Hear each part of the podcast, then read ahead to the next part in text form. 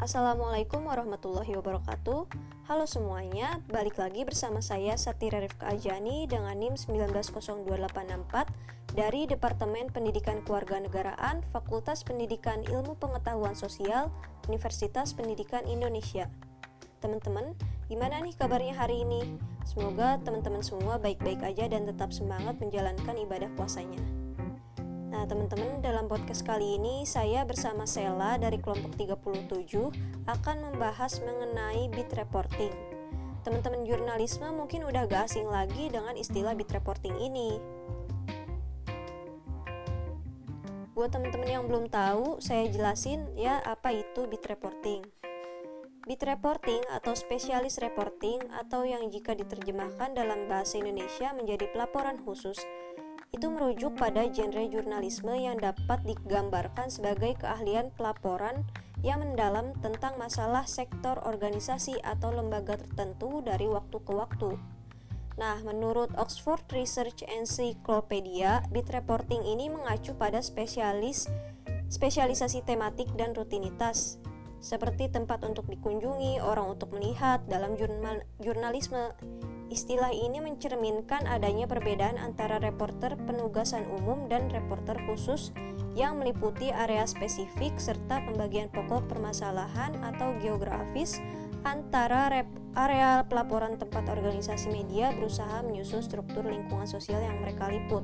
Nah, jadi reporting bit ini lebih e, menjurus pada salah satu pokok permasalahan atau salah satu berita seperti misalnya pemerintahan, politik, edukasi, kesehatan, bisnis, dan olahraga. Nah, istilah tentang reporter reporting bit ini diciptakan pada akhir abad ke-19 di Amerika Serikat dengan tujuan untuk meningkatkan efisiensi kerja jurnalistik. Beat reporter akan sangat berpengalaman pada beat mereka dan tahu benar di mana dan bagaimana mendapatkan informasi yang mereka butuhkan. Karena hubungan jangka panjang mereka dengan sumber-sumber yang relevan, para reporter berhasil mendapatkan informasi eksklusif, dapat dipercaya, dan layak diberitakan.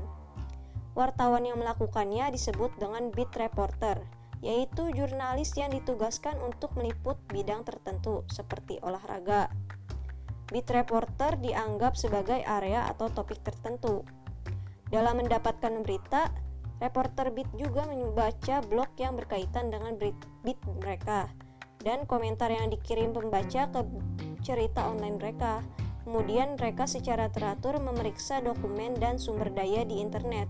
Selain itu, wartawan mendatangi secara teratur instansi pemerintah atau swasta atau tempat-tempat lain yang dimungkinkan munculnya hal-hal yang dapat menjadi berita.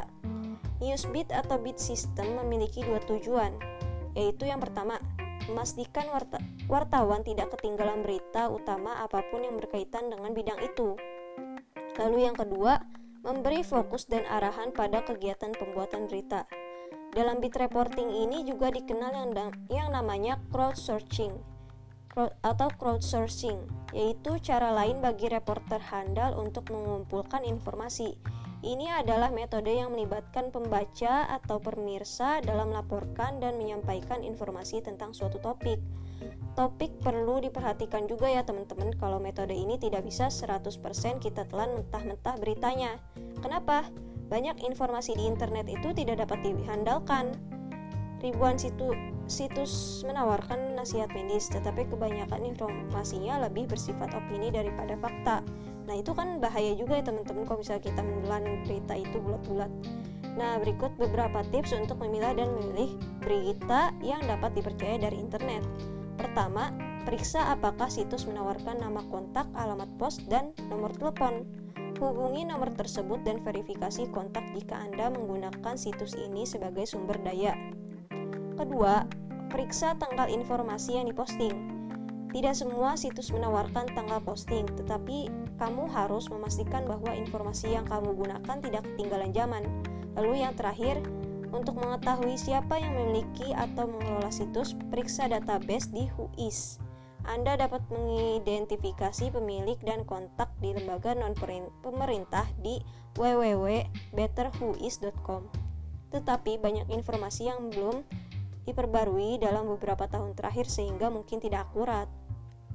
Nah, itu dia pembahasan mengenai bit reporting atau pelaporan khusus. Mudah-mudahan apa yang disampaikan dapat dipahami oleh teman-teman semua. Selanjutnya ada pertanyaan buat teman-teman buat ngetes seberapa paham kalian dengan materi yang telah disampaikan oleh saya dan teman saya Sela. Pertanyaannya yaitu contoh bit reporting yang ramai di Indonesia saat ini dan jelaskan secara singkat berita tersebut. Bisa berupa bit reporting tentang edukasi, politik, kesehatan, dan lain-lain.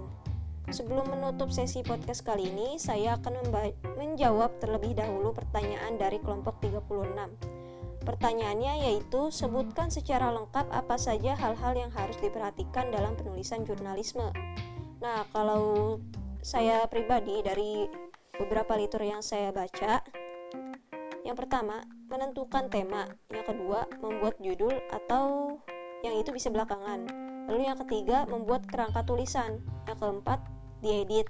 Yang kelima, mengecek ulang. Dan yang keenam, menyimpan artikel baik yang dimuat atau tidak. Selain itu, untuk menarik minat pembaca juga perlu diperhatikan beberapa hal, yaitu yang pertama judulnya harus unik atau seenggaknya yang dapat menarik minat pembaca. Terus tulisannya cenderung lugas, rileks dan memancing pembaca. Lalu selanjutnya bahasa santai lebih disukai dan yang terakhir ada keunikan. Sekian sesi podcast kali ini, kurang lebihnya mohon maaf. Wassalamualaikum warahmatullahi wabarakatuh. Tetap semangat semuanya.